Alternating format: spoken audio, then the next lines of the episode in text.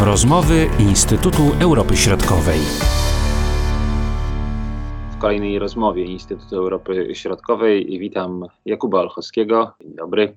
I w tym odcinku będziemy rozmawiali o bieżącej sytuacji e, na samej Ukrainie, jak i e, wokół tego, co dzieje się e, w samej Rosji. Jesteśmy świeżo po 9 maja.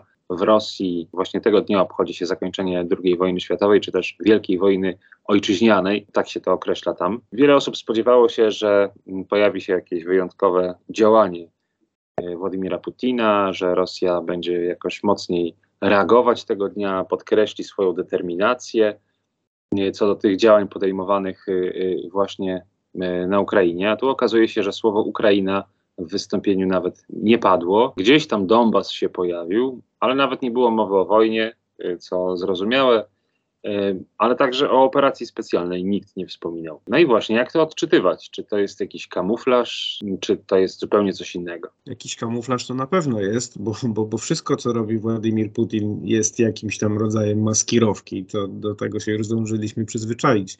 Natomiast rzeczywiście to ten 9 maja, ten dzień zwycięstwa wypadł bardzo, bardzo mdło, e, tak to można ująć, ponieważ ani zainteresowanie świata, e, e, znaczy nie było zainteresowania świata, bo zazwyczaj jednak telewizje, także zachodnie, pokazywały tę paradę, pokazywały fragmenty tego, no, tego święta. To jest najważniejsze i największe święto w Rosji. Natomiast w tym roku już nikogo to nie interesowało.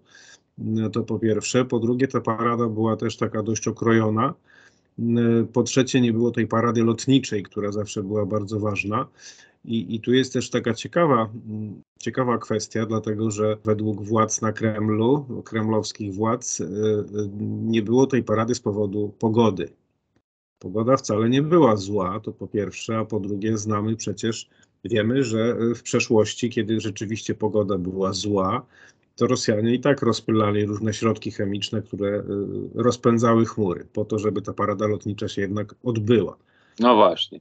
A tutaj nie tylko w samej Moskwie y, nie było tej parady lotniczej, ale także w niektórych większych miastach, gdzie także y, te parady lotnicze się y, odbywały, czy też była obecność tych sił powietrznych. No i co to oznacza, że już tych sił nie ma, czy poleciały gdzieś, gdzie są wedle Rosji bardziej potrzebne?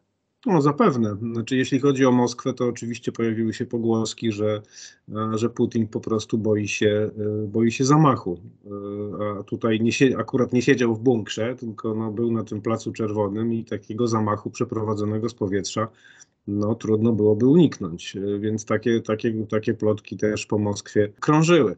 Ale tu jeszcze, jeśli chodzi o ten Dzień Zwycięstwa, to też e, przypomnijmy, że e, różne też się pojawiały pogłoski na temat tego, że być może Rosjanie zrobią jakiś Dzień Zwycięstwa, jakieś parady zwycięstwa, także na różnych, w różnych miejscach okupowanych w częściach Ukrainy, na przykład w Mariupolu. Podobno były plany, żeby taki, taką paradę przeprowadzić. E, włącznie z użyciem e, więźniów, znaczy jeńców ukraińskich i co, co nie byłoby precedensem, bo nie tylko e, w czasie II wojny światowej Rosjanie takie parady z udziałem jeńców niemieckich organizowali, ale także na Donbasie właśnie.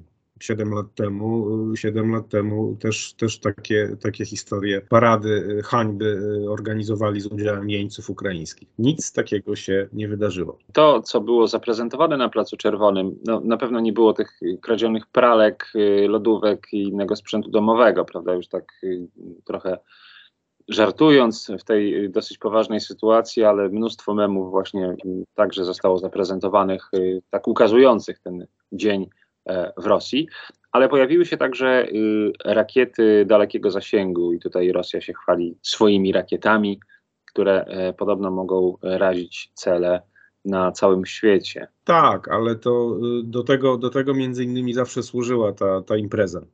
E, zawsze ta, ta defilada na, na Dzień Zwycięstwa służyła do tego, żeby Rosja się pochwaliła publicznie i oficjalnie E, że ma jakieś e, super nowoczesne bronie, które oczywiście nie mają analoga w, w, na, na, całym świecie, znaczy nie mają, nie mają odpowiednika na, na całym świecie. Natomiast w tym roku to też bardzo blado wypadło, bo to no, tylko, to, tylko to, o tej jednej rakiecie wspomniano, że, że jest takie cudo e, i tyle.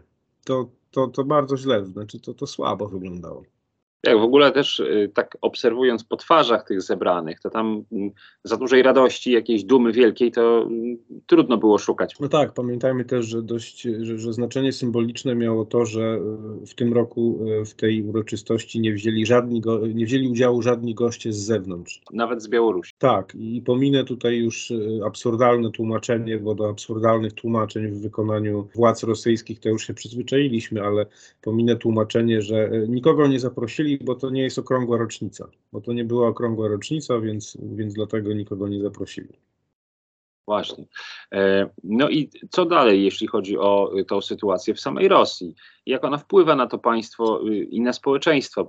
Są publikowane kolejne sondaże, które wskazują, że tam około 70% y, Rosjan nadal popiera Władimira Putina i jego, jego politykę, i tutaj można zauważyć spadek, ale trudno mówić o jakiejś stuprocentowej wiarygodności tych sondaży, tak na dobrą sprawę.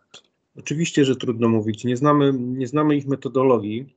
E, to po pierwsze, a z wszelkimi sondażami socjologicznymi jest tak, że no, metodologia jest, jest kwestią kluczową. Jak ona wygląda, jak to wyglądało, jak były skonstruowane pytania, do kogo one były, komu one były zadawane, jak wyglądała próbka reprezentatywna i tak dalej.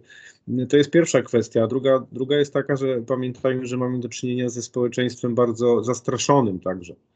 Więc to, co ci ludzie mówią, e, odpowiadają w takich sondażach, to niekoniecznie musi się rzeczywiście, to nie musi być rzeczywistość, tym bardziej, że Rosjanie y, mają opanowaną do perfekcji tę sztukę y, dwójmyślenia, czyli co innego mówię, co innego robię, co innego, y, co innego myślę. Natomiast to poparcie na pewno ciągle jest bardzo duże, bo też jednak społeczeństwo rosyjskie było przez tyle lat poddawane no, praniu mózgów, co tu dużo mówić, e, że, że oczywiście oni wierzą w, w ogromnej mierze e, w tę propagandę. Ale niewątpliwie Rosja odczuwa i to mocno odczuwa te skutki tej wojny prowadzonej na Ukrainie. No, my widzimy to może w pewnej takiej, w takim wymiarze symbolicznym, że brak było tych przywódców z zagranicy, ale niewątpliwie no, sama armia została mocno E, poobijana, y, prawda, no i gospodarka też ma bardzo duże ograniczenia no, w związku z nakładanymi sankcjami, mimo że niektóre państwa różnie gdzieś do tych y, różnych obszarów podchodzą, powiedzmy, prawda, ale niewątpliwie sytuacja e, się y, pogarsza. No niewątpliwie się pogarsza, bo jeżeli, jeżeli władze Moskwy oficjalnie mówią o tym, że e, z powodu sankcji stracę, pracę może stracić w, w stolicy, w Moskwie około 200 tysięcy osób, E, to znaczy, że oni to mówią oficjalnie, więc to znaczy, że, że naprawdę te, te liczby są znacznie większe. A to już, to rzeczywiście zaczyna, no, zaczyna być problem. Efekty sankcji, one e, oczywiście one nie mogły przyjść natychmiast, e, przeróżnych sankcji. One, będą, one się będą pojawiać powoli.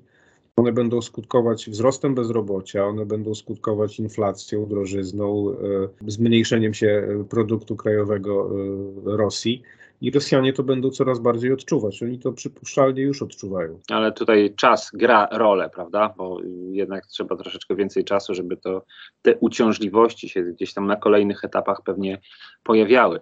Natomiast y, co możemy powiedzieć o tej obecnej sytuacji na y, terytorium państwa ukraińskiego?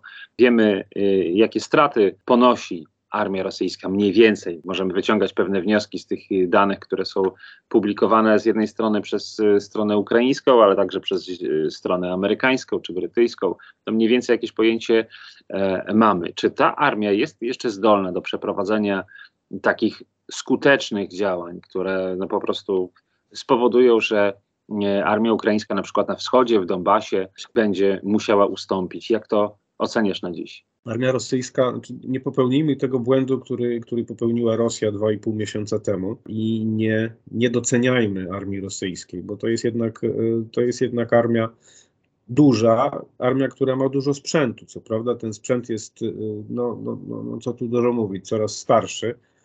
E, w sensie używają coraz starszego sprzętu, sięgają coraz głębiej do, do rezerw materiałowych, ale to jest jednak, no, to jest jednak armia duża I samą tą, samą swoją liczebnością ona może, może się przetoczyć przez Ukrainę, przez właśnie przez Ukrainę Wschodnią, gdzie cały czas toczą się ciężkie walki.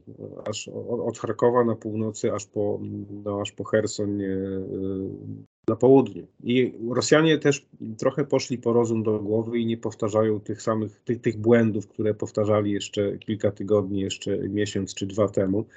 E, czyli no, działają już zupełnie inaczej. Nie klinami, nie pojedynczymi kolumnami jadącymi bez ubezpieczenia, etc., tylko no, teraz już takim walcem artyleryjsko-pancernym starają się, y, starają się działać, aczkolwiek no, rzeczywiście jak na razie z bardzo niewielkimi postępami w stosunku do tego, co już udało im się uzyskać. Tutaj raczej też ciężko mówić o jakimś przełomie, y, wydaje mi się, w tym najbliższym czasie. Raczej to w dłuższej perspektywie czasu tutaj jakieś zmiany mogą następować, prawda? Tak, bo to już zaczyna trochę przypominać, może nie, nie tyle wojnę pozycyjną, taką jaką znamy z, chociażby z okopów I wojny światowej, ale jednak taką bitwę pozycyjną, powiedzmy, bitwę manewrową, w której obie strony dokonują uderzeń, kontruderzeń, starają się e, zła, przełamać linię frontu, ale to jest, e, no tak jak wspomniałeś, e, przełomu na razie żadnego nie widać. Co się może dziać z generałem Gerasimowem?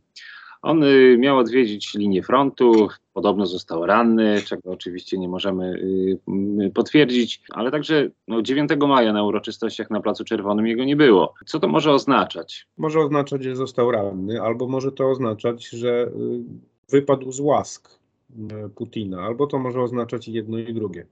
Jakie działania teraz będzie podejmowała e, Rosja? Na czym się skoncentruje, Twoim zdaniem? Myślę, że, że Donbas, e, ponieważ no, na to wskazuje także to, o czym mówił Putin w, podczas tej swojej przemowy mm, z okazji Dnia Zwycięstwa. Mówił o Donbasie. Dużo, dużo, często się to pojawiało, więc zapewne będą chcieli zająć Donbas w całości, to znaczy całość obwodów Ługańskiego i Donieckiego i ogłosić to jako E, zwycięstwo i że taki był cel tej operacji specjalnej, ale niewykluczone, że, że będą chcieli także zająć obszary te na południu, czyli stworzyć ten korytarz lądowy między, między Donbasem, e, Rosją e, i Krymem i, i utworzyć być może kolejną tak zwaną Republikę Ludową. Już są takie takie pogłoski, Hersońską Republikę Ludową.